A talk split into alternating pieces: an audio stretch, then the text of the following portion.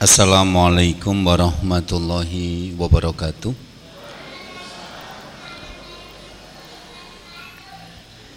Alhamdulillah. Alhamdulillahirabbil alamin walladzi arsala rasulahu bil huda wa dinil haq liyudra 'ala dini kullihi wa kafa billahi syahida. Asyhadu alla ilaha illallah wahdahu la syarikalah wa asyhadu anna Muhammadan abduhu wa rasuluh. Allahumma salli wa sallim ala nabika Muhammadin wa ala alihi wa sahbihi ajmain amma ba'du. Usikum wa nafsi bi taqwallahi faqad fazal mutakun. Jamaah kaum muslimin rahimakumullah Alhamdulillah pada kesempatan sore hari ini Kita kembali dipertemukan Allah di majelis ini Dan kita akan melanjutkan materi kita Pekan yang lalu. Bagaimana caranya menjadikan perjalanan hidup kita terutama setelah berkeluarga ini menjadi kesempatan untuk mengembangkan diri berkembang menjadi orang yang semakin hari semakin bertakwa kepada Allah. Kemarin kita sudah sampai pada cara yang kelima yang pertama menguatkan iman dan ilmu, yang kedua memulai dengan apa yang menjadi kewajiban kita, yang ketiga menjalankannya sesuai dengan skala prioritas, yang keempat melakukannya dengan cara yang paling baik atau ihsan, dan yang kelima adalah menyerahkan hasilnya kepada Allah, bertawakal ke atas hasil yang nanti akan kita terima. Agar kita bisa bertawakal, agar kita bisa menerima hasil yang kita terima dari Allah terutama ketika hasil itu tidak sesuai dengan apa yang kita harapkan maka yang pertama adalah kita harus ridho bisa legowo menerima apa yang ditakdirkan Allah untuk diri kita. Kemarin kita sampai ke sini Inna idomal jazai ma'idomal bala ma'idomil bala. Sesungguhnya besarnya pahala itu sebanding dengan besarnya ujian. Wa inna allaha idha haba qawman ibtalahum Dan jika Allah itu mencintai satu kaum Maka Allah akan menguji mereka. Faman rodya falahu ridho Barang siapa yang rela Dengan apa yang dia terima dari Allah itu Falahu ridho maka Allah akan ridho kepadanya wa man sakhita falahu sakhat dan barang siapa yang marah kepada Allah maka Allah akan murka kepadanya. Banyak informasi bisa kita gali dari hadis ini tentang pahala besar yang menanti pada saat kita hampir putus asa. Kok berat banget ya masalah yang saya hadapi? Ya karena masalah yang berat itu akan sebanding dengan pahala yang akan diberikan. Iya karena itu berarti Allah mencintai Anda. Karena Allah tahu bahwa Anda mampu menyelesaikan ini, maka Allah memberikan ujian seberat ini dan itu memang Anda bukan orang lain. Maka berpikir positif kepada Allah, dan bodoh bahwa aku pasti mampu menyelesaikan ini. Ya. Sehingga akhirnya muncullah rasa ridho, merasa orang yang terpilih, Nah setelah muncul rasa ridho itu ya kita akan dapat ridho Allah. Karena pilihannya cuma ridho. Kalau kita marah dengan situasi dan kondisi yang kita jalani, malah-malah Allah akan murka kepada kita. Nah, yang kedua seperti yang disampaikan oleh Imam Ibnu Taimiyah di dalam Jamil Masail, musibatun tukbilu bika alallahi khairun min nikmatin tunsikallaha. Eh, tunsika dzikrallah musibatun tukbilu bika Allah satu musibah yang membuat dirimu menghadap kepada Allah merasa salah sadar tentang kelemahan dan kekurangannya terus mulai hari ini berjanji aku akan lebih dekat kepada Allah lagi itu lebih baik daripada mendapatkan satu nikmat tetapi membuat kamu lupa kepada Allah. Ya. Jadi kita mendapatkan satu musibah nih ceritanya. Uang kita kecopetan, astagfirullah padahal uangnya mau tak pakai buat bayar SPP anak-anak. Terus Anda mulai sadar, oh iya ya ternyata selama ini aku itu infaknya kurang. Ketika infaknya kurang pun ternyata kalau uangnya harus kurang tetap harus berkurang. Tapi akan lebih enak kalau berkurang itu karena infak bukan karena kecopetan kayak gini ini gitu loh. Ya, podo-podo ilang iki nyangati luwih legowo nek ilang itu karena kita memberi infak daripada ilangnya karena kita dicopet. Tiwas tak rewangi ora infak tak hitung ditku gen akeh ndang wis akeh tibake malah dijaluk balik karo sing butuhke gitu ya pecopet gitu. Ya Allah mulai hari ini saya akan berusaha untuk lebih ikhlas kalau infak infak infak infak itu toh sebenarnya infak itu menanam kebaikan untuk saya sendiri di akhirat nanti. Nah, kecopetan yang membuat Anda kemudian imat kepada Allah itu jauh lebih baik kalau daripada Anda dapat sepeda motor baru mupeng-mupeng nanti lali pengajian. Gitu. Jadi cara kita melihat satu persoalan dalam hidup, cara kita memaknainya itu antara orang yang beriman dengan orang yang tidak beriman itu tidak sama. Di hadapan orang beriman itu semua yang ditakdirkan Allah padanya itu baik kok. Apalagi setelah urutannya kemarin kita laku, kita sampaikan, kita sudah mengurutkan berdasarkan prioritas. Iki yang paling penting. Dengan mengurutkan prioritas, kita merasa pas melakukan bisa khusyuk. Tidak tergoda untuk mikirkan yang lain. Kenapa? Karena saya sedang melakukan yang paling penting. Oke. Nah, setelah kita memilih yang paling prioritas, jadi misalnya kayak ibu-ibu, Oke, Selasa sore prioritas saya mangkat pengajian. Itu kudune ya rasa dadak nyambi SMS-an gitu loh. SMS-an yang kau wae nek wis rampung pengajian. Ini saatnya pengajian gitu. Lah nek jenengan pengajian yo SMS-an, mbok SMS-an wae kan lebih fokus ndang rampung ndang melu pengajian gitu. Kadang-kadang orang itu begitu melakukan satu pekerjaan pikirannya ke mana-mana itu karena yang dia kerjakan itu dianti perasaan mungkin kono lebih penting, kono lebih penting, kono lebih penting. Maka nek ke nyambut gaya popo itu berdasarkan urutan-urutan yang paling penting, hati kita tuh jadi tenang. Kowe ora nikah sisri to? Ora, aku milih Rini. Lho sisri ayu? Heeh. Oh, oh. Ning Rini luwih ayu. Kan gitu toh? Ora aku tuh kabeh dinikahi to, siji ning sing paling ayu selesai. Sekolah banyak kan anak kita juga tidak mungkin pindah-pindah pindah sekolah. Satu aja sekolah yang membuat anak kita jadi soleh itu udah cukup gitu. Nah mengerti prioritas itu membuat kita akhirnya jadi lebih tenang atas apa-apa yang terluput. Apa-apa yang tidak kita dapatkan dari dunia itu kita merasa tenang. Ya wis apa itu bagianku, aku itu bagian iki kok gitu. Nah setelah kita prioritas, kita menjalankannya dengan sebaik mungkin. Eh san, enggak enggak setengah-setengah, tuntas wis to. Lah nek ngono kok hasil ora padha karo karepe, ya pasti Allah punya rencana dong dengan dengan kejadian ini kan gitu. Kita berpikir positif kepada Allah. Nah, perhatikan ini, ini perkataan Imam Ibnu Taimiyah, eh, Ibnu Qayyim dalam kitab Iqtatul Lafan.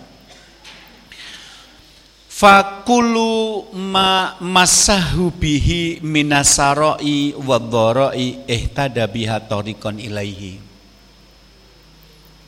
Setiap yang menimpa manusia min saro minasaro iwadoro baik yang berupa kelapangan maupun kesempitan eh tada bihatorikon ilahi dia akan mendapatkan petunjuk dengan peristiwa itu menjadi jalan baginya untuk kembali kepada Allah. Jadi, apa pun yang menimpa kita kalau kita orang yang betul-betul beriman itu bisa menjadi jalan kita untuk kembali kepada Allah. Usahanya badi oke lek usahamu lancar men duitnya pirang-pirang. Alhamdulillah digampangi Gusti Allah. Wong kae ning tanggoku jane masakane luwih enak. Ning gone ndelik kira payu to aku ki jane rapate ya enak ya enak sih enak tapi jane kalah enak. Tapi ngono aku sing dinggo sing malah rame.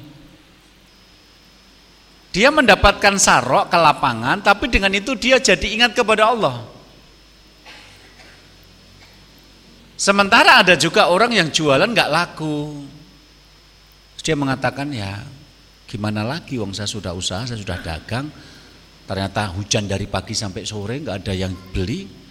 Ya mungkin ini saatnya saya harus menghemat pengeluaran, ngajari anak-anak agar hidupnya tidak foya-foya. Nah, tiga apik ya eling Gusti Allah, tiga elek ya eling Gusti Allah. Tiga sehat ya eling Gusti Allah, tiga lara eling Gusti Allah. Ya. Jadi orang beriman itu apa pun yang menimpa dirinya, fakulu mamassahu bihi minasara wa itu bisa menjadi jalan dia untuk kembali kepada Allah. Eh tada mendapatkan petunjuk. Torikon sebagai jalan kepada Allah. Dikasih anak-anak yang cerdas, Alhamdulillah. Dikasih anak berkebutuhan khusus. Ya tadi, aku dipilih kok. Aku mampu kok menjadi ibu dari anak berkebutuhan khusus ini. Kalau sudah seperti ini kan sebenarnya tidak menakutkan lagi hal-hal yang terjadi dalam hidup kita. Wedi melarat, ora aku siap sabar. Wedi sugih, ora aku siap dadi wong sing syukur. Kalau ada orang yang siapnya sugih tok dikai melarat stres. Nek siapnya melarat tok dikai sugih dadi lupa daratan gitu loh. Jadi ada orang jelek karena jadi orang melarat, ada orang jelek karena jadi orang kaya. Nah kita pengennya baik kaya maupun kita melarat kita tetap baik. Nah itu dimulai dari yang pertama adalah ridho. Yang kedua, jangan mengeluh.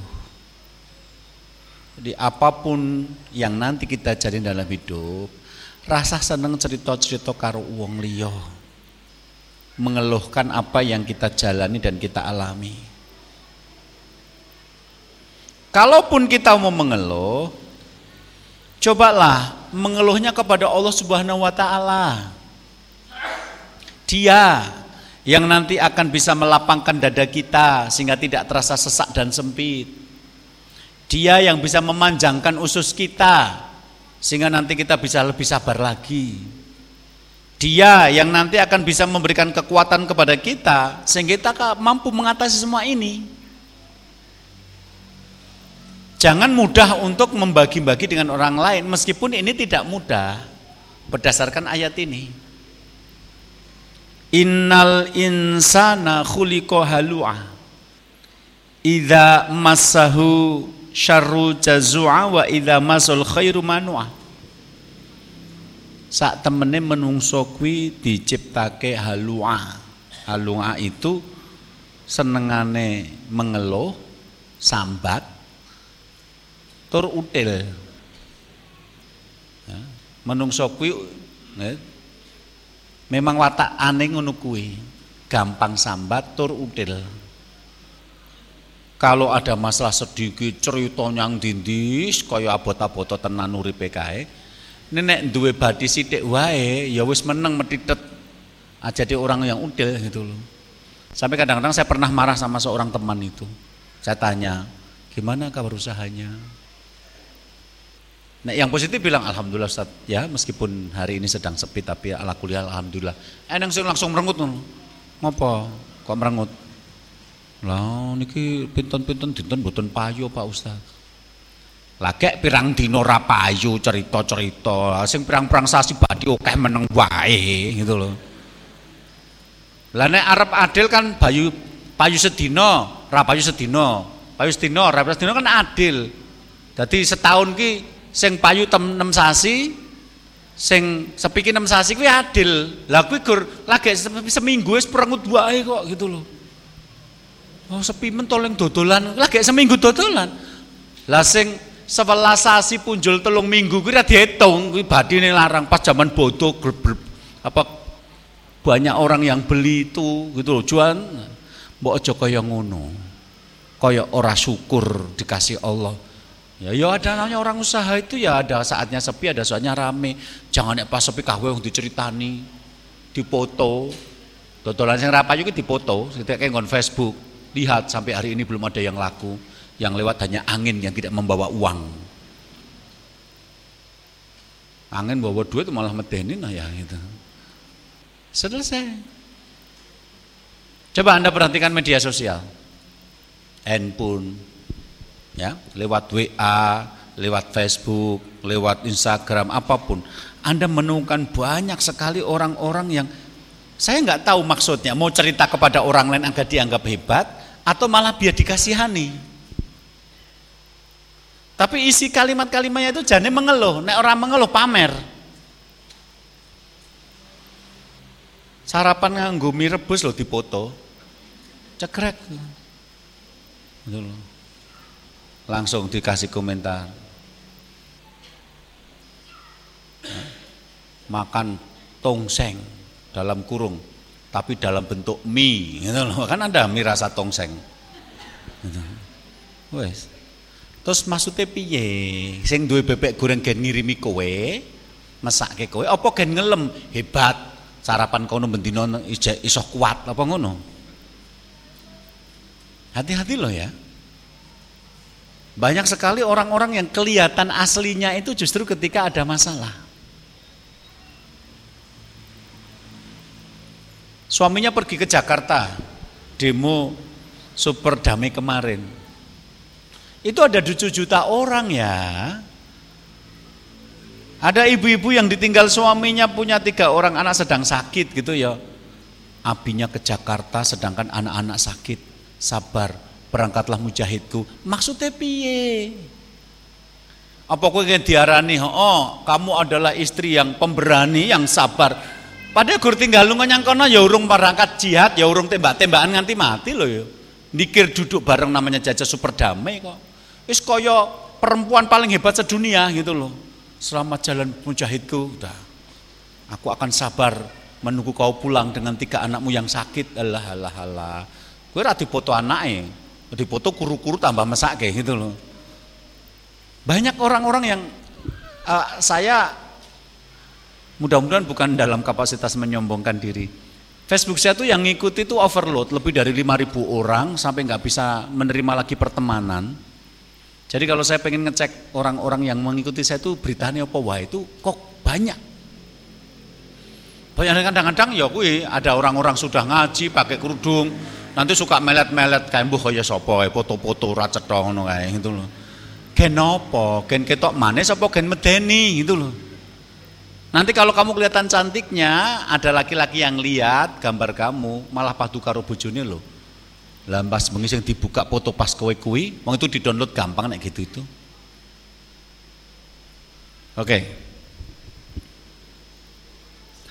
Man ahabba ayyuftah ala qalbihi wa yanjuwa min ahwal yaumal qiyamah falyakun amaluhu fi sirri akthar minhu fil alaniyah.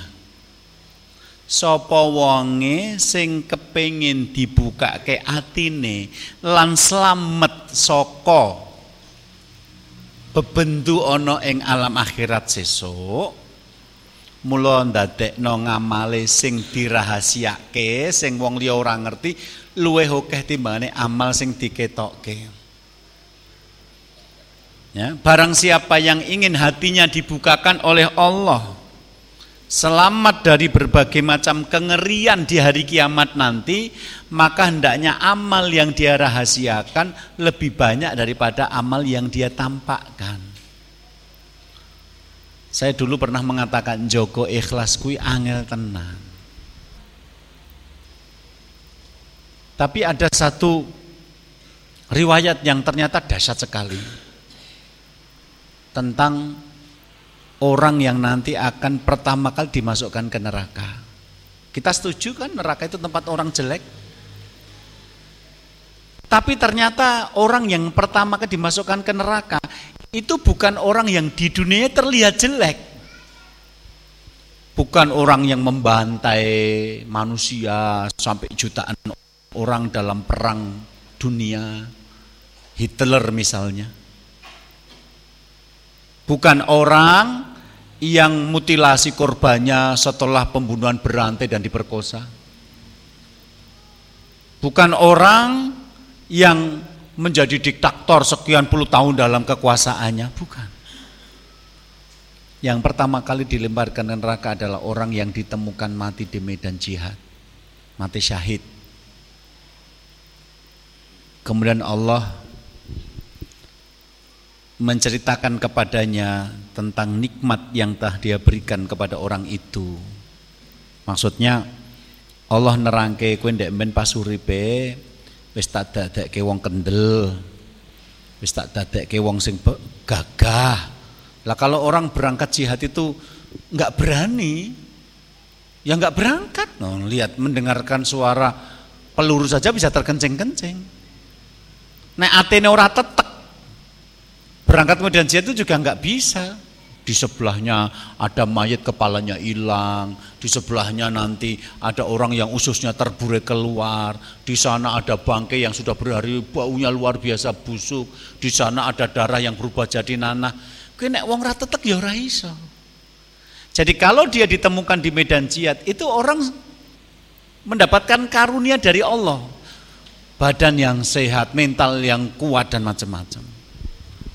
Dan dia mengakui itu. Kemudian Allah bertanya kepadanya, lambok apa? Awak sing kuat, badan sing sehat, lan ugo mental kuwi mau mbok apa? Aku pergunakan untuk berperang di jalanmu ya Allah dan sampai kemudian aku mati syahid. Kadzabta. Kowe ngapusi. Jane kowe melu makat perang kuwi asine gur supaya di dianggap wong sing kendel, dianggap pahlawan. Wakot gila. Dan orang-orang sudah menyebutmu dengan sebutan itu. Namamu sudah dipakai menjadi nama jalan-jalan. Buku namamu masuk di buku-buku pelajaran sebagai pahlawan. Kamu sudah dapat. Maka Allah memerintahkan malaikat untuk melemparkan dia ke neraka. Ini orang yang pertama kali masuk neraka nanti. Orang yang dunia mati cahit di medan perang.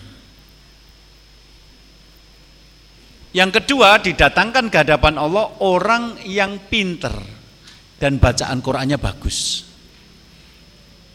Allah menjelaskan kepadanya tentang nikmatnya kepada orang ini. Otak yang encer, diterangkan langsung faham. Komunikasi verbalnya bagus, nek ngomong kepada orang itu maremu gampang dimudengi. Bacaan Qur'annya luar biasa, merdu, membuat orang yang mendengarkan sahdu, Allah menyebutkan itu dan dia mengakui. Satu orang bertanya kepadanya, "Mbok apa?" Saya pakai untuk berdakwah, menjelaskan ilmu dan saya pakai untuk memperdengarkan Al-Qur'an. Kamu bohong. Kamu melakukan itu semua karena ingin dianggap sebagai orang yang pinter dan dianggap sebagai orang yang bacaan Qur'annya bagus. Wakot gila dan orang-orang sudah menyebut kamu begitu. Mungkin sudah meraih juara lah satu lomba musabakotil watil Quran tingkat angkasa misalnya gitu. Angkasa Pura di Colomadu gitu. Mungkin dia sudah dinobatkan menjadi dai inspiratif tahun 2018 bisa jadi sudah dapat itu. Kamu sudah dianggap orang pinter, kamu sudah dianggap bacaannya bagus. Kemudian Allah memerintahkan malaikat untuk melemparkan orang ini ke neraka. Ini yang kedua. Ya, yang ketiga adalah orang yang hartanya sangat banyak. Allah menyebutkan kepada orang tentang nikmatnya. Ya, ada kan orang itu ya Allah, apa-apa sih demek kita di duit. Saya punya kenalan-kenalan tuh orang-orang yang mudah banget golek duit itu gampang. Mencari peluang-peluang kerja itu gampang. Bisnis herba yo ya maju, bisnis kuliner yo ya maju, bisnis yang lain-lain juga maju. Sementara ada teman saya ki maju mundur maju mundur maju satu mundurnya dua gitu loh. Jane usaha orang ngentek ke biaya pirang-pirang ora dadi-dadi. Sampai mumet yang tadi malam kalau ada yang dengarkan acara CD radio. Karena biasanya di radio itu ada yang SMS dalam kurung jamaah taklim mateseh Mungkin ada di antara sini yang mendengarkan acara tadi malam saya di radio. Karena dulu kalau saya siaran di radio, ada yang dalam kurung itu adalah jamaah majelis taklim atase. Nah tadi malam itu ada yang bertanya, punya anak lima, yang paling gede baru kelas 1 SD 7 tahun. Jadi nikah wulung tahun ke anak limo. Sekarang pusing Tadi saya sampai di sini SMS-nya dua lagi masuk ke tempat saya. Baru sampai tadi saya lihat, belum tak jawab. Anaknya lima, ditinggal suaminya pergi keluar Jawa, di rumah kontrakan, cuma ditinggali uang seratus ribu rupiah. Nah, jangan bayangke mumet apa ora? Saya urung bayangke nyawang wongis mumet sih.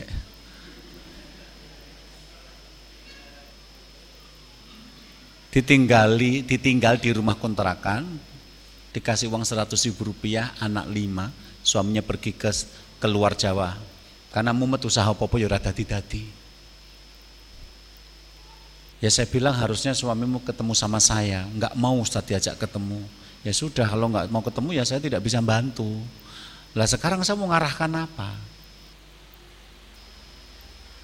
Hari ini di rumah kontrakan loh di kota loh bukan di desa di desa jangan bayam kari medel godong pohong kari medel di kota aspal. Mau jadikan bubur aspal bi rasa manado rasa tinotuan apa?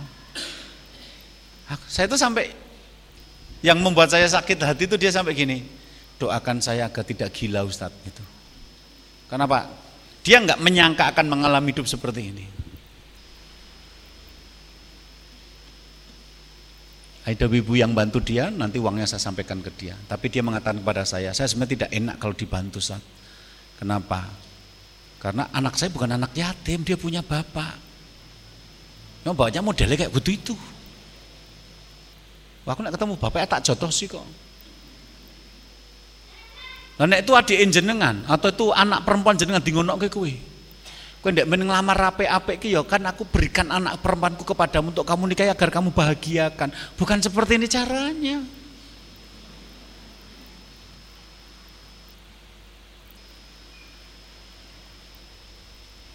Jadi saya kadang-kadang ketika menghadapi orang konsultasi itu berharap ya Allah mudah-mudahan yang saya konsultasi pertama berarti sudah sakinah mawadah warahmah semua meskipun kata ora gitu ya. Yang kedua karena saya sendiri kadang-kadang wong saya sendiri juga punya masa dengan kehidupan saya nek ditangisi kaya ngono kuwi apa ya tega to meskipun saya laki-laki. Coba ketemu istri saya mungkin sudah nangis podo nangis kuwi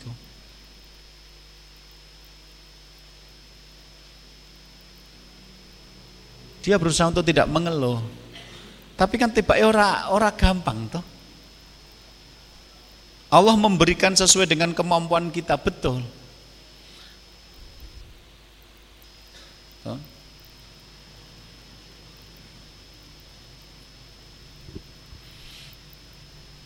Saya harus usaha Pak Ustadz. Usaha apa?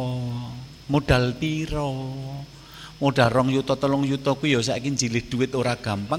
Dengan modal segitu tuh mau usaha apa? Snack, beli bal-balan nanti dikemasi kecil-kecil. Ngentak dipangan anak musik. Anakmu cilik-cilik cek doyan mangan kok. Kemarin saya nasihatkan begini, yos pokok nen, kamu sekarang ngurusi anak-anak bagaimana? Karena bapaknya ketika ditanya kapan pulang nggak jawab. Tapi salah satu anaknya bilang, bapaknya pulangin nanti nek poso kok mi. Lah poso ki petang sasingkat, satu saya wis cukup gua anak limo tekan poso. Poso sak durunge poso kuwi engko dadian gitu loh. Saya bilang sudah sekarang ngurusi anakmu saja, bantuan-bantuan yang diterima dulu sampai nanti suami pulang takoni karepe piye. Karepe piye to jane? Cuma ya saya hibur, sapa ngerti bojomu ku ya padha mumete jane gitu loh. Tapi mbok mumete ngono ku mbok rasa ndadak nyang luar Jawa, nyang kene wae. Lah yang jual Jawa ku yo nganggo duit utangan lho, para mumet neh ora to gitu loh. Terus nge-SMS ki SMS ngene jadilah kamu seperti Robiah yang ketika ditinggal suaminya mampu membesarkan anaknya menjadi anak yang soleh sampai suaminya kembali. Tak sekolah gue nek ngerti mu dengan gomong ngono gue. Ora rumangsa salah kok, malah SMS ngono kuwi kok. Coba, Anda ditinggal pergi anak lima kasih 100 ribu plus bonus SMS. Jadilah seperti Robiah yang ditinggal suaminya dia bisa membesarkan anaknya sampai suaminya pulang. SMS-nya harus buat ke dikirim balik. Aku bukan rotubia, Apalagi kamu, kamu bukan suaminya, gitu loh. Kamu suamiku, gitu loh. Yang tidak bermutu itu, gitu loh. Ya Allah ya Rabbi. Saya ini biasanya saya kalau habis konsultasi selesai selesai, ini enggak sampai berhari-hari saya masih kebayang-bayang terus kenapa? Saya bayangkan ratakan otak saya.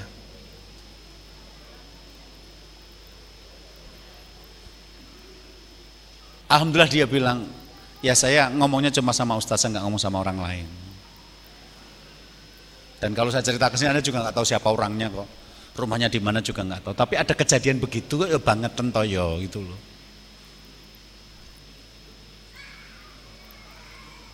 Perhatikan ini.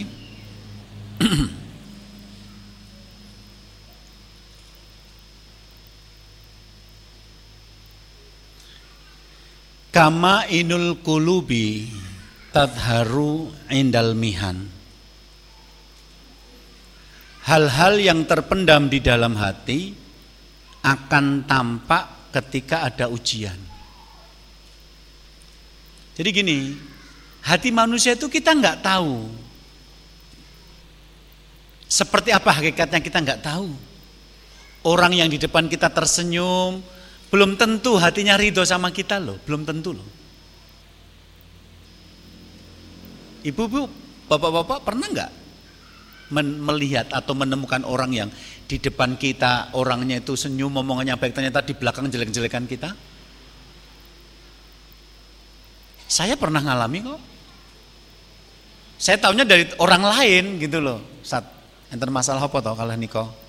Lah kenapa? Nggak ada masalah itu. Wong ketika kamu sama saya baik-baik saja nggak ada masalah.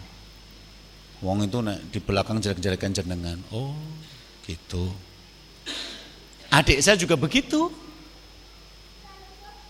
Adik saya juga cerita, ya Allah mas, aku lagi diuji Gusti Allah. Eneng ibu-ibunya yang ngarep omongannya alus.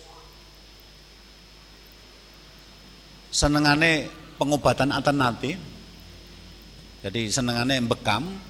Nah pas bekam kuwi bekamane penak. Lah karo bekam iki karo takon, enten nopo to, enten nopo to, enten nopo lah. Rahasia rumah tangga itu kan di tangan para pemijat dan pembekam akhirnya. Cerita, di balik kenikmatan yang diberikan banyak informasi yang digali gitu loh. Nah ternyata itu diceritakan ke mana-mana. Aku ora percaya tenan lho Mas, nek mbak iku kaya ngono, di depanku kaya ya ya okae, mesake ndongake muga-muga aku kuat sabar. Ternyata di, di belakang itu jelek-jelekin aku coba. Sopo to wonge? Kae orangnya. Oh lah kaya sok melu pengajian aku. Nah pas pengajian tak sindir gitu, kata ora krasa wonge tak sindir maksud saya kalau jadi orang tuh jangan oh di depan orangnya ngomong baik di belakang jelek-jelekin ketok dari raut mukanya kayak yo ra ra kroso gitu nah karena hati itu kita tidak tahu hakikatnya seperti apa itu ibarat air di dalam jeding. Ciduk itu nanti bisa membuat dia keluar. Nah ciduknya itu apa kalimat-kalimat dari mulut yang keluar dalam keadaan ketika dapat tekanan atau sedang ujian. Eh, jadi kan ngomong sama konco, yo tak jak yo nyang di. Eh, neng kuliner anyar eh, yang Colomadu. Apa? Sate kelatak. Sate kelatak itu sate Jogja sana. Tapi sekarang kan makanan apa pun kalau sedang rame di satu kota kan di punya franchise, punya punya cabangnya di kota yang lain. Nah di tempat saya dekat saya itu ada sate kelada. Itu terkenal gara-gara jadi syuting salah satu film nasional. Oke, yo rono yo, oh, yo nyoba yo coba nyoba. Datang ke sana, engko bar kuwi ngombe es susu degan. Oh ya ora apa-apa enak banget gitu. Wes akhirnya gawiannya ditinggal ngetut ke kita. Sampai sana hujan, kate kataknya tutup, es degannya dadi ra enak. Nah kenapa? Hujan? Habis itu Mbak Celemong, ah, ngerti ini mau yang rumah. Anda tidak menganggap penting, ini penting. Aslinya koncomu kuwi gur senengnya dijak penak-penakan. Rekoso sithik munine ngono kuwi. Ojo, ah koncoku lagi tertekan mula ngomong ngono. Ora, justru aslinya ki ngono kuwi selama tersembunyi di dalam hati. Munculnya ketika ada tekanan. Hati hati-hati dengan omongan sing makcul, makcul, makcul tuh aslinya malah ngono kuwi dheweke. Nek ngomong apik kuwi soalnya apa? Maca teks wis diapalke. Jadi jangan tertipu dengan orang yang ngomongnya halus, teratur. Kenapa? Karena itu sudah disiapkan, tapi begitu kepleset atau tidak ada masalah, makcul makcul loh. Aslinya ngono kuwi loh. Kan kadang-kadang kita tidak menduga orang itu loh makcul, loh kok bisa ngomong kayak ngono toh? Itu ibaratnya gayung yang sedang mengambil air dari jeding. Itu aslinya adalah lesan yang mengambil muatan dari hatinya untuk keluar. Maka perhatikan perkataan ini dalam kitab Majmul Fatawa dikatakan kama inul qulubi tatharu indal mihan. Apa yang tersembunyi dalam hati itu keluarnya nanti ketika sedang terjadi masalah. Jadi kalau ada suami sama istrinya sayang banget, rak kebenaran sidik muni-muni, aslinya kayak ngono kuwi gitu loh. Sayangnya yang perlu nih, arep ngejak kue turu didit. Nek yang jawab kan bayar, nek kue kan ora. Mula sayang-sayang. Engko keberan sithik kok abeh nama binatang disebut. Lah kok kowe cek ngomong niku nek pas stres Pak Ustaz nek mboten kita sayang kali kula. Kowe sing ra mudeng. Asline kae iki ora. Pas sayang karo mergo butuh karo kowe. Pas ra butuh kowe diguang begitu wae. Banyak orang itu nggak bisa mengambil pelajaran dari ilmu-ilmu yang dipelajari. Misah mengatakan belo-belo itu suami saya orang baik Kak Ustaz. Ora yo. Pas apik karo pas butuh karo kowe ya. Ora cocok sithik, ya kuwi mau muni-muni. Kalau saya nama-nama binatang. Kalau ibu kemarin dia ngomong bukan nama binatang Ustaz. Nama-nama kebun binatang. Eh, isi kebun binatang katanya. Eh, enggak. Isi kebun binatang itu ada yang jual mie ayam juga kok. Wong saya kemarin waktu ngantar keponakan ke Juruk itu ya ada yang jual mie ayam, ada yang jual mainan, itu kebun binatang di sini macam-macam, ada penyanyi anduknya juga kok, itu loh.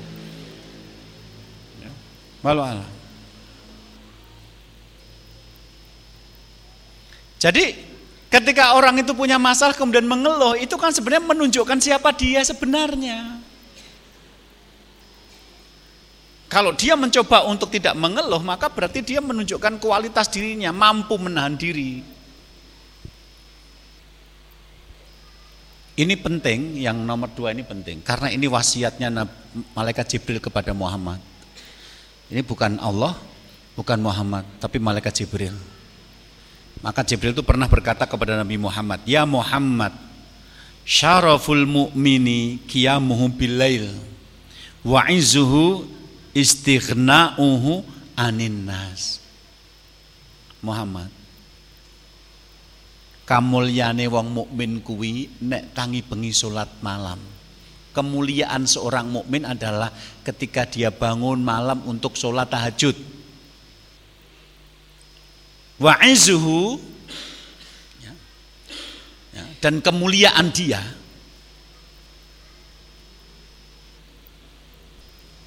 istighna'uhu aninnas ketidakbutuhannya terhadap manusia ora butuh. Aku ora butuh cerita-cerita nek masalahku abot karo kowe. Oh, engko ya iso bantu. Wis ora iso bantu malah mbok cerita cek karo kancamu. Aku malah digeguyu. Ya wis lah, rasa cerita wae tak cerita karo Gusti Allah. Maka orang yang tidak mengeluh kepada manusia yang lain itu menunjukkan dia orang yang mulia karena tahu manusia yang diceritakan nanti juga paling juga tidak bisa membantu. Berapa banyak kita dikecewakan orang, kita sudah menangis-nangis, kita sudah menceritakan tentang hidup kita, dia cuma ngomong sabar ya. Lah, nek sabar aku ora cerita karo kowe, aku ana cerita kowe ora sabar kok, gitu loh. Eneng wis ora muni sabar malah nyalahke. Aku mau dibar dianu ngene ngene ngene. Ah mulane ndek men ya tak kandhani aja ora manut saiki malah ngene. Lho iki ora nulung malah nyengeni. Ya. Jadi gini, sekarang kalau ketemu sama orang, enggak usah cerita sing masalah rumah tangga kita deh. Kenapa? Masing-masing orang punya masalah. Dan jangan pengira Anda masalahnya paling besar, jangan-jangan Anda paling kecil. Tapi karena Anda jiwanya kecil, yang masa cilik Anda tak cerita nang dindi. Pernah enggak? Saya pernah ya ada orang, masa ya tenang Nah, temennya menemui orang ini ngomongnya gini, "Dek uripmu penak mento. Wong kok gurung guyang guyu mesam-mesem kaya ora masalah." Lah ngopo? Aku masalahku abot tenan no. Eneng apa to? Aku ndek utang. Pirang yuta? Rong yuta gak nganti saiki rasa kesaur-kesaur. Mumet aku mikir. Kowe penak ra utang yang guyu wae. Temannya itu bilang, wis menengo wae, tak kandani ya. Iki kowe tok. Utangku ki 200 yuta. Nah sing 2 yuta kuwi, hah? Tenane. Lah ngapusi kowe ngopo? Ya Allah, lah aku nek di 200 yuta wis bunuh diri wingi-wingi malah gitu. Mulane Kowe kena ketemu wong rasa orang merengut ngono kuwi lho, wis ketemu orang mukanya enggak senyum itu bawaannya sudah negatif aja. Jadi kalau Anda ketemu dengan orang lain, dia kok senyum-senyum, itu bukan berarti dia tidak punya masalah. Dia bisa mengontrol dirinya untuk tidak mengeluh pada orang lain. Dia tahu bahwa tempat keluhan yang paling baik itu kepada Allah Subhanahu wa taala. Cerita karo kancamu kuwi nek salah cerita malah kowe diisin-isin. Cerita karo kancamu kuwi nek salah-salah cerita malah dadekke bahan diceritake karo liyane maneh. Jadi Bu, Pak, sekarang kalau ketemu sama teman itu senyum. Meskipun Anda tidak bisa membantu orang yang ada masalah, Anda senyum itu sudah mengurangi dia untuk tidak memberi tambahan beban. Tidaknya Anda memberi beban itu sudah mengurangi beban dia. Tapi nek jangan ketemu orang perengat perengut itu jane orang lihat itu tambah berat gitu loh. Karena masing-masing orang punya masanya sendiri-sendiri. Maka saya waktu itu pernah usul di perusahaan saya, tapi sampai sekarang belum kejadian sih.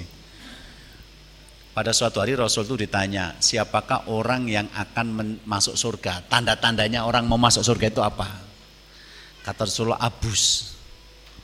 Abus itu adalah orang yang suka merengut nek ketemu wong liya. Nek ketemu wong liya itu merengut itu namanya abus. Abasa watawala. Dia merengut dan berpaling. Abus itu orang yang merengut kalau ketemu orang lain. Nah kalau anda ketemu dengan orang yang merengut terus kok ratau mesem ratau guyu, berarti cara salah satu ciri orang mau masuk neraka itu itu. Nah, saya pernah ngomong waktu itu di kantor saya, wis ngene wae. Nanti kalau kita ketemu sama karyawan lain, senyum, salam. Alhamdulillah kalau saya di kantor itu sehari nek salaman 30 kali mungkin, Pak. Satu orang itu kadang-kadang sampai dua kali, tiga kali ketemu salaman, mau ke masjid salaman, pulang dari masjid salaman, pulang salaman. Satu orang bisa empat kali, bisa lima kali lah karyawan saya ada 70 yang nggak ketemu bablasan ya nggak salam. Tapi kalau mau salaman itu sehari ya 20 30 saya salaman. Dan kita usahakan kalau pas salaman senyum. Saya pernah usul, nanti kalau ada temenmu kerja nggak senyum, kowe nganggo gendera cilik, nganggo piting kalau kayak gendera cilik.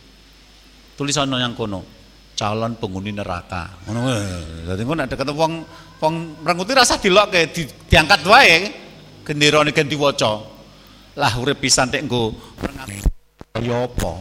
Wong sing ayu dadi elek kok nek merengut apa meneh sing elek mare melayu gitu loh gitu. Coba perhatikan nasihat yang berharga sekali ini, sangat-sangat berharga dari Imam Syafi'i.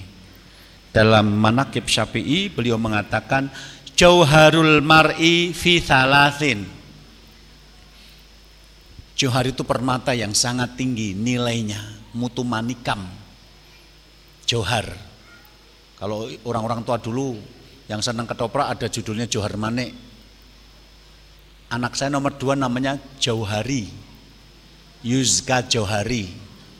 Nah waktu dia TK nanya, Bi, namaku kok Jauhari Tobi tidak dekat hari. Jadi dia merasa jauh dan dekat gitu loh. Mungkin dikira jauh dekat sama saja 2000 rupiah itu bis umum. Kok namaku jauh hari tapi bukan dekat hari? Eh itu bukan dari kata jauh dan dekat, itu dari kata jauhar. Jauhar itu permata yang mahal. Johari maksudnya kamu tuh permataku. Nah sekarang dia udah paham, dia udah setahun lagi soal jadi ustadz, udah ngerti. Tapi dulu waktu TK nanya gitu, kok namaku jauh hari toh? nggak dekat hari. Nanti yang punya ibunya Lestari kok namanya Lestari toh Bu? gak les piano gitu loh. Dikira itu jenis les gitu loh, les tari, les piano, les ya. itu bukan lestari sayang, lestari gitu loh.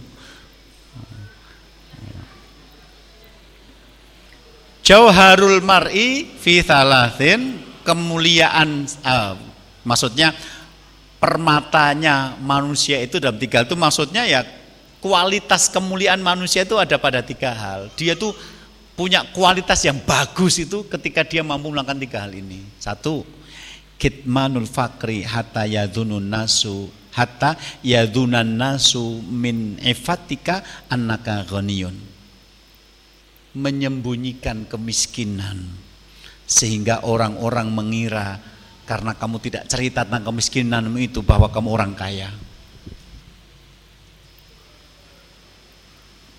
Ini kok ketoknya saya kok nek petuk nggih mesa-mesa mawon kok. Ini padahal mau isuk rasa sarapan loh. Orang rasa sarapannya kayak kengon Facebook. Udah jam segini belum sarapan, nah, ngapoh gitu loh. Nah, iki sarah sarapan nganti jam 12 sawane meneng ya mesam-mesem nek dikeki ya gelem nek ora dikeki ya wis gitu loh. Ora njaluk, aku rasa sarapan no, mbok mesake aku wong-wong pengajian lah. Ya. Jadi kitmanul fakri menyembunyikan kemiskinan hatta yadzunan nasu anak min ifatika anaka sampai orang itu mengira kamu orang kaya. Yang kedua, kitmanul khodobi hatta yadhunan nasu annaka radin. Menyembunyikan kemarahan sehingga orang lain mengira bahwa kamu rela. Kamu ketemu orang yang kamu benci, tapi berusaha untuk menahan diri agar tidak marah. Yang keluar di mulut adalah ucapan salam, Assalamualaikum, sambil senyum. Orang itu tidak tahu cerita ke teman-temannya. Kawis rampung urusan karo aku, aku ketemu wis guyang guyu wis macam-macam. Padahal jane ono kuning ra diketok-ketok ke. Jadi kalau ada suami atau istri yang racocok sidik langsung metu nama binatangnya, metu kalimat cerainya, ijane opo gitu loh. Kabeh ditok kowe gentong-gentong ngerti nek aku lagi anyel karo bojoku gitu loh. Sembunyikan. Yang ketiga kitmanu syiddah hatta yadzunan nasu annaka mutana'am. Menyembunyikan penderitaan sampai orang mengira bahwa hidupmu enak. Jadi terus terang ketika saya bertemu dengan orang-orang yang berkonsultasi itu juga dari konsultasinya ketahuan iki jane orangnya kuat menghadapi hidup, dia pusing pengen cari keluar, jalan keluar dari masalahnya atau iki jane orang lemah cuma pengen menarik simpati dengan cerita penderitaannya. Itu kelihatan dari cara dia berbicara. Ya. Kalau pertanyaan yang tadi malam itu begini, Bagaimana caranya mengajari suami agar cerdas memilih peluang usaha? Asli nenek wong liya sing ora kuat. Ini kan dia kuat nih ceritanya. Bahasanya masih menjaga nama baik suami. Bagaimana caranya mengajari suami agar cerdas mengambil peluang usaha? Nek istri yang lain sing ora kuat ngomong suami saya tuh ngentek-ngentek duit usaha apa-apa atau berhasil utangnya nyang dindi Nek dikandani ngeyel, keras kepala gitu loh. Podo itu, ceritanya podo, suaminya usaha ini gagal, usaha ini gagal, usaha ini gagal, usaha ini gagal. Utang, setiap kali usaha utang, utang, utang, utang. Tapi cara istri bertanya kepada saya ketahuan loh ini kualitasnya seperti apa. Yang satu bagaimana cara menghadapi suami yang keras kepala, usaha apa pun gagal terus, utangnya di mana-mana, apa nasihat istri nggak didengar, ada yang tadi malam itu kasusnya sama, yang lima anak punya lima anak, uh, punya lima anak ditinggal cuma satu ribu itu bertanya pun masih menjaga wibawa suaminya loh. Bagaimana Ustaz cara mengajari suami agar cerdas mengambil peluang usaha? Maksudnya selama ini bujuk niki ora cerdas, rodok ndook gitu loh. Rodok konyol ngentek ke duit pirang-pirang utang yang dinti usaha atau bahasa. Tapi dia bertanya itu menunjukkan tidak ingin mengeluh. Saya bertemu dengan ribuan orang, dari cara dia ngomong itu ketahuan, iki wong iki jane kuat. Tapi dia betul-betul nggak ngerti ilmunya sehingga takut salah maka dia bertanya atau orang ini jane lemah ngono ku cerita ganti masak, ganti masak ke. Beda loh. Ada orang-orang yang membuat saya kagum, ya Allah, orang ini kuat. Tapi ada juga yang Allah, kaya ngene wae takok ke. Nah, kemarin juga begitu, ada ibu-ibu yang datang ke tempat saya, dia mau dinikahi laki-laki jadi istri kedua. Suaminya bukan pegawai negeri, kan jadi nggak ada halangan menurut saya kan kalau seandainya dia menikah langsung dengan KUA juga, biar merasa batinnya sama dengan istri yang pertama. Dia datang ke rumah bapaknya, Bapaknya bilang, ya wis rapopo nek pancen takdirmu dadi istri yang kedua. Neng aku gur njaluk siji, kowe dinikahi nganggo KUA. Aku ora setuju nek kowe nikah nganggo siri. Itu langsung bapaknya nggak kepake menentukan nikahnya besok tanggal berapa Februari. Terus saya bilang, lah bapakmu mbok gua nyangdi mbak. Nanti kalau anda nikah dengan wali hakim, apa masih sah? Wong bapakmu masih hidup. Apa sah nek ngono carane? Lah bapak saya menolak pernikahan saya. Loh, nek saya jadi bapak loh mbak, anak perempuan saya nikah terus saya gurun jaluk nikahi KUA, wong bojomu ya pegawai negeri kok. Nek pegawai negeri mungkin alasannya pemerintah melarang, tapi nek pegawai negeri nggak ada larangan. Saya ikhlas kok Pak Ustadz, saya mau di enggak apa-apa yang penting dinikahi. Wah, lah dalah kowe kuwi sing ra bener kowe kuwi. Sing rusak poligami ya wong model kaya kowe kuwi. Nah, pancan mau jadi istri kedua, kamu haknya sama dengan yang pertama. Nah, kamu mau dibegitukan itu nanti banyak perempuan-perempuan jadi korban modus laki-laki yang berpoligami. Rong tahun dia bojo nganggo curah nikah siri tok ra dikei blonjo rong tahun coba. Ya wong-wong kaya kowe iku lho sing mari rusak poligami, Mbak. Jadi kadang-kadang saya tuh ya kasihan, wes umur petang puluh tahun di bojo, ya wes lah mau takdirnya cuma jadi istri kedua, ya wes. Tapi kadang-kadang ya bikin jengkel juga nih model-model kayak gitu. Diarah kayak ora bener. Mbak, kowe engko nek pegatan karo bojomu, kowe balik nyangune bapakmu, ojo pisan-pisan mbok tinggal, bapakmu kurang mati, ojo mbok patekne dengan wali hakim. Permintaan bapakmu itu sederhana, gur njaluk kowe dinikahi kawah itu tidak berlebihan kok. Lah terus sarung itu bukan laki-laki yang baik. Dia belum bisa ngurusi poligami, jadi dia tidak pantas untuk berpoligami. Terus ya udah, tinggalkan dia, nggak jadi nggak apa-apa. Daripada jadi kamu membuat luka batin bapakmu. Lah engko nek payah bodoh kowe arti lek bapakmu perlu ijen. Nek ijen kowe bojo, nek engko bojomu diusir bapakmu. Mosok tombak kowe arep nekat menikah dengan dia.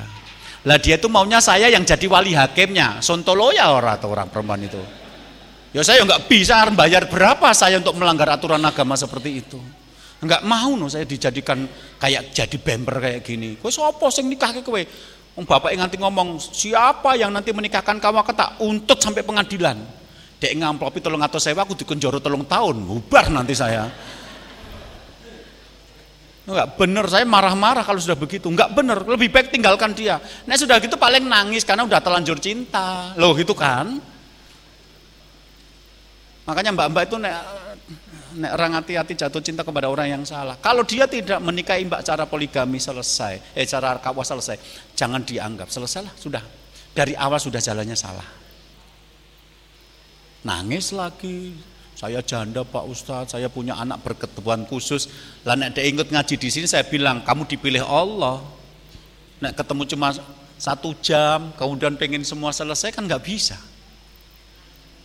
Jadi kadang-kadang ya saya ketika konsultasi konsultasi itu ada orang yang malah ingin memanfaatkan saya untuk menutupi keinginan dia gitu loh. Jadi dia itu maunya saya dibawa pulang ke bab uh, saya dibawa di dari diberi janji nanti hari apa saya datang atau saya nikahkan mereka. Ya Allah jahat banget. Jahat dia niat kepada saya itu jahat. Kalau saya diniatkan menjadi seperti itu jahat bagi dia.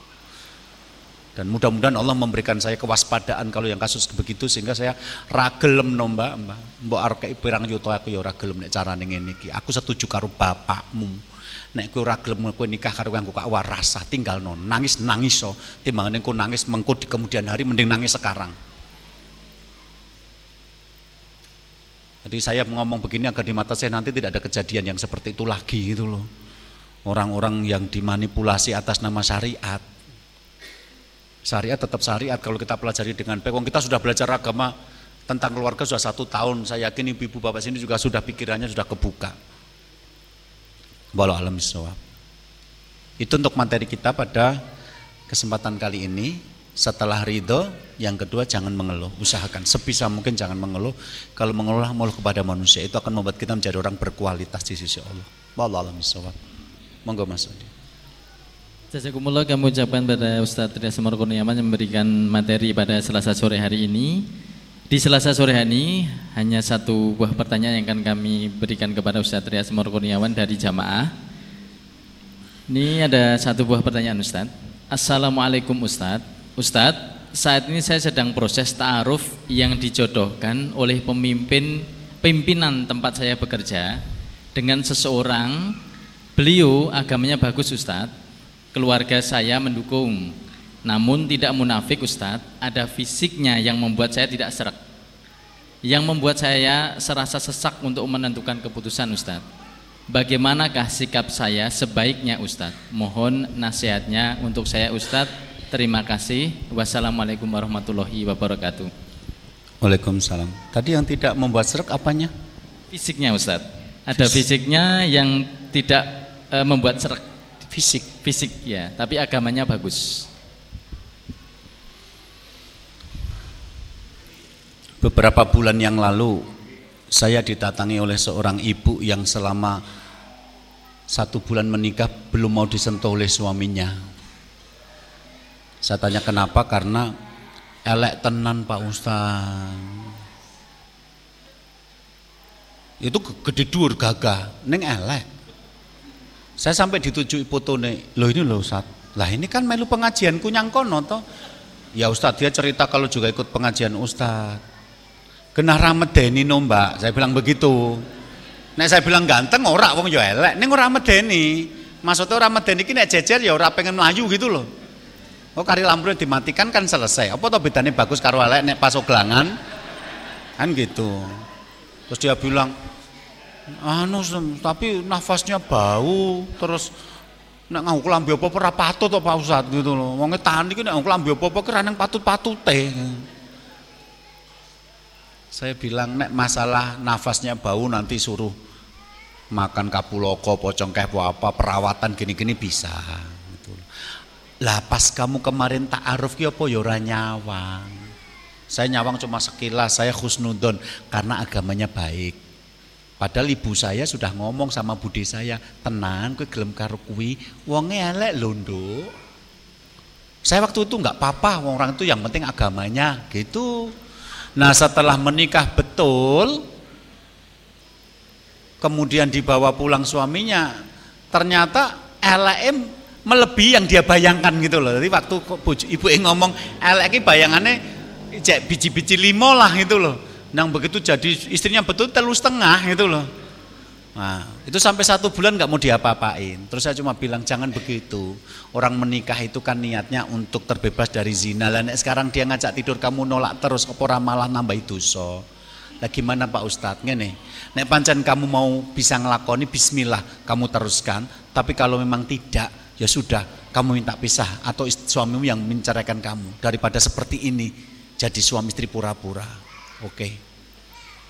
Terakhir saya ketemu suaminya, istrinya tidak jadi minta cerai. Berarti sekarang sudah selesai. Nah sekarang saya nasihatkan, fisik yang maaf dinilai kurang tadi, itu kan tidak dis, tidak definitif ya. Misalnya mungkin matanya yang satu tidak berfungsi, kan cuma suruh pakai kacamata hitam. Atau mungkin karena hidungnya kurang mancung mungkin. Atau karena tidak tinggi.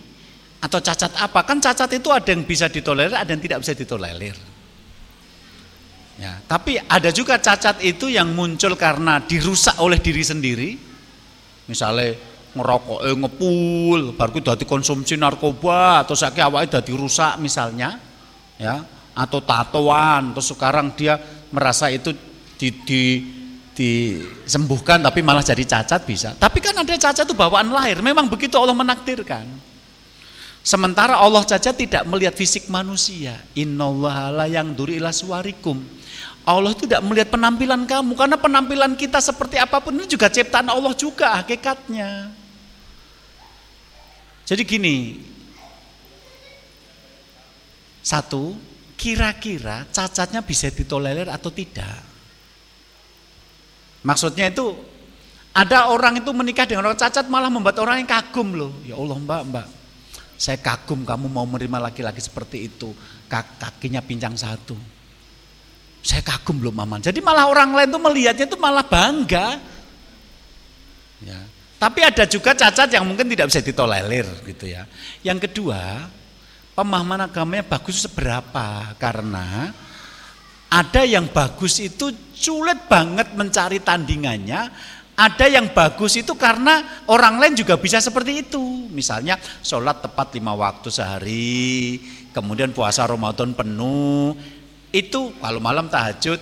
Ini amalan-amalan yang banyak yang bisa melakukan. Ini bagus, tapi orang lain banyak yang bisa melakukan. Jadi kalau kamu menolak ini karena hatimu tidak nyaman, kamu mungkin menemukan orang yang agamanya bagus yang lain. Tapi ada bagus itu sewu siji, satu siji, sepuluh siji. Nek dia dapat seperti itu, misalnya orangnya sabar banget, nek dia nek unake nganti kaya ngopo gur mesam-mesem tok, ngono kuwi angel. Ada laki-laki sholatnya mempeng, ya mempeng unek-uneke bojone barang gitu loh. Lah begitu kamu ketemu laki-laki yang sabar, kamu orangnya emosional, lah agamanya baik yang kayak gini tuh nggak semua orang sama laki-laki bisa loh. Jadi kalau kira-kira kebaikannya itu kebaikan yang langka, tidak banyak orang yang memiliki, berarti Allah memberikan kesempatan kepadamu mendampingi orang dengan kebaikan yang langka. Itu kamu dipilih Allah. Tapi kalau kebaikannya normal dalam artian memang itu baik sih begitu itu. Tapi orang lain juga bisa melakukan seperti itu. Ya monggo, jangan sampai kamu menikah dalam hati merasa terpaksa. Dulu sudah kita bahas di sini, menikah itu pilihan. Nah caranya bagaimana? Selalu orang Islam itu tidak akan lepas dari dua cara. Satu istikharah. Istikharah itu maksimal tiga kali saja. Masuk saya pernah ketemu ibu istikharah dua bulan ngopo. Soalnya pendak mimpi apa pendak eneng tanda-tanda karepe dhek ora ngono mlo dibaleni kan kaya karepe. Lah ku jenenge ora istikharah, ki dikte Gusti Allah. Imlak namanya gitu loh. Jadi istikharah itu cuma tiga kali, satu mantep atau tidak? Belum mantep, dua mantep, belum, tiga belum, sudah selesai. Kalau sudah tiga kali berarti Allah memberi jawabannya tidak lewat istikharah. Lah lewat apa? Wa amrum surobainahum, musyawarahno karo bapak ibumu. Nek kowe ustad karo ustadmu, cerita apa enenge? Mereka orang yang peduli kamu bahagia. Jadi kalau kamu padanya dan mereka melihat kamu meneruskan pernikahan dengan dia membuat kamu nggak bahagia, saya yakin mereka juga ya wis nek rasa wae nduk ndak diteruske malah rapi. Tapi nek mereka melihat kamu itu sudut pandangnya berbeda, menurut pandangan orang-orang yang kamu tuakan itu sebenarnya orang ini punya kebaikan, bismillah. Ikuti kata musyawarah. Jadi umat Islam tidak akan tidak akan tersesat menghadapi dua pilihan eh, menghadapi masa hidupnya dengan dua cara ini. Pertama istikharah kepada Allah, dua kalau nggak yakin dengan istikharah musyawarah.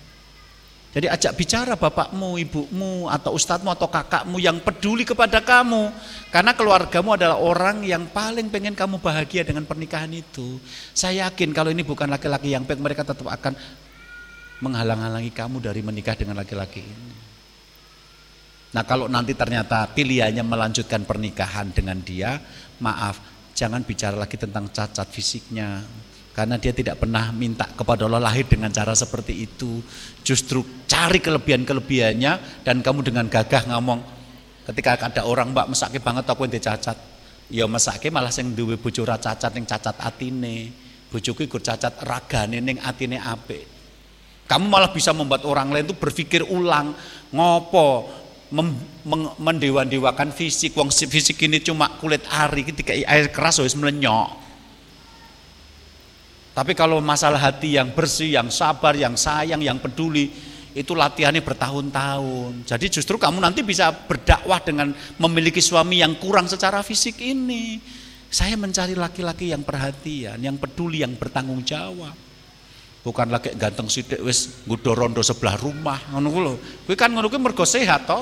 Nek cacat ra mungkin nggodho dibalangi watu wong cacat nggodho itu.